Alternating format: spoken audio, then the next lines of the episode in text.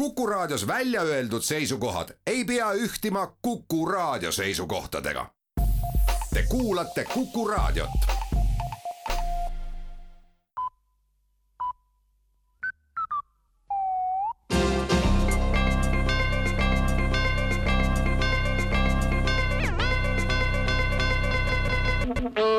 tere kuulama uudiseid stuudios Rohke Debelak koalitsiooniläbirääkimistel keskenduti eile ühistele väärtustele ja neid väärtusi leiti õnneks arvukalt. pilt on ühiste väärtuste osas sedavõrd positiivne, eriti võrreldes Riigikassa olukorraga, et mõneks ajaks saabki rahalised vahendid asendada ühiste väärtustega.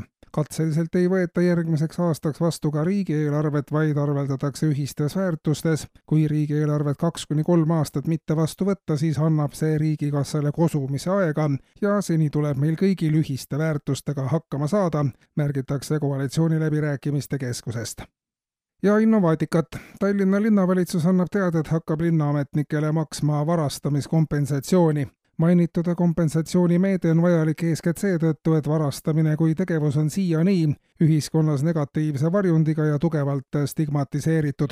paljude ametnike renomee kannatab varastamise tõttu oluliselt ja inimesed on sisuliselt võimatu oma töökohal jätkata või elada muul viisil rahulikku tegusat elu varastamiskompensatsiooni suuruseks on kahekordne varastatud summa suurus ja see makstakse ametnikule välja kohe, kui ta varastanud on.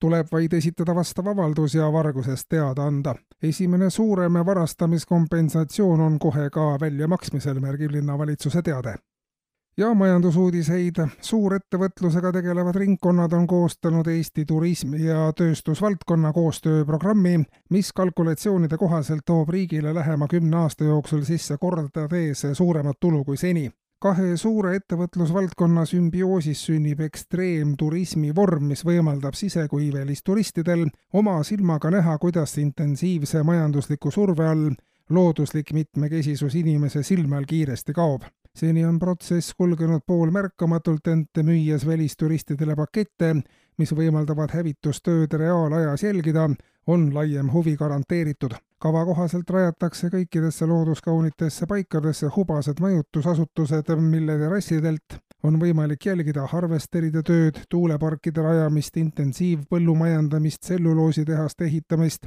ekstreemloodustööstusturism on lähemate aastate jooksul Eesti kindel väliskaubandusmootor, märgitakse põhjaliku analüüsi lõpetuseks ja ka politseiteateid. eile kell seitseteist õhtul pidas Kavastu politsei kinni kahekümne seitsme aastase kohaliku meesterahva, kes oli poole tunni eest bussijaamas Tartu bussi oodanud inimestelt kaasanud kokku kolmkümmend seitse eurot. veerand tundi varem oli Endel Ingel investori abiga kohalikust kauplusest kaasanud kaks pudelit viina ja kui need otsas, otsustas mees ühisrahastuse abil käivitada veel sarnaseid projekte.